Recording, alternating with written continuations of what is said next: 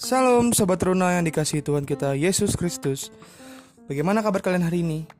Selalu sehat ya. Dan jangan lupa untuk selalu bersyukur.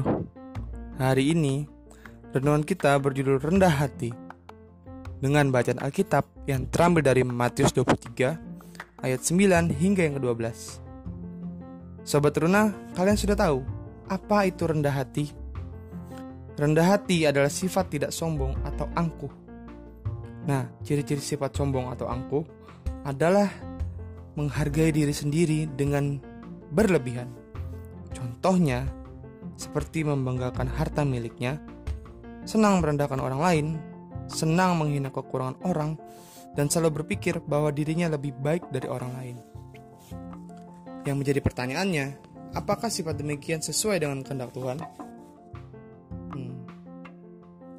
Coba teruna, bacaan Alkitab hari ini menceritakan tentang percakapan antara Tuhan Yesus dengan pengikutnya. Tuhan Yesus sedang berbicara mengenai orang-orang Farisi dan ahli-ahli Taurat. Mereka adalah orang-orang yang menganggap dirinya taat kepada Tuhan.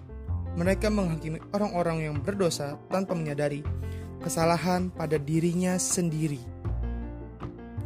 Mereka tidak menjadi pelayan, tetapi menjadi hakim dan menghukum dengan cara yang tidak adil. Karena itulah Tuhan Yesus berkata, Barang siapa yang besar di antara kamu, hendaklah ia menjadi pelayanmu. Orang-orang Farisi dan ahli-ahli Taurat juga gemar meninggikan diri mereka dengan hukum Taurat.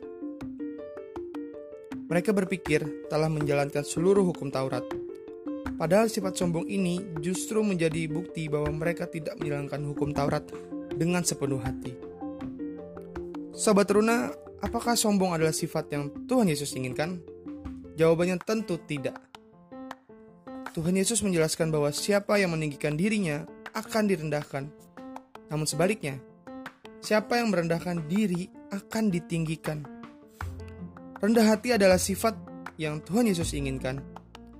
Tuhan Yesus menginginkan kita menjadi pelayan yang melayani orang lain, menjadi seorang pelayan memerlukan sifat rendah hati seperti Tuhan Yesus.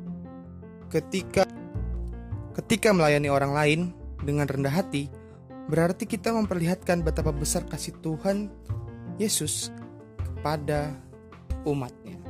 Dalam nama Tuhan Yesus, haleluya, amin.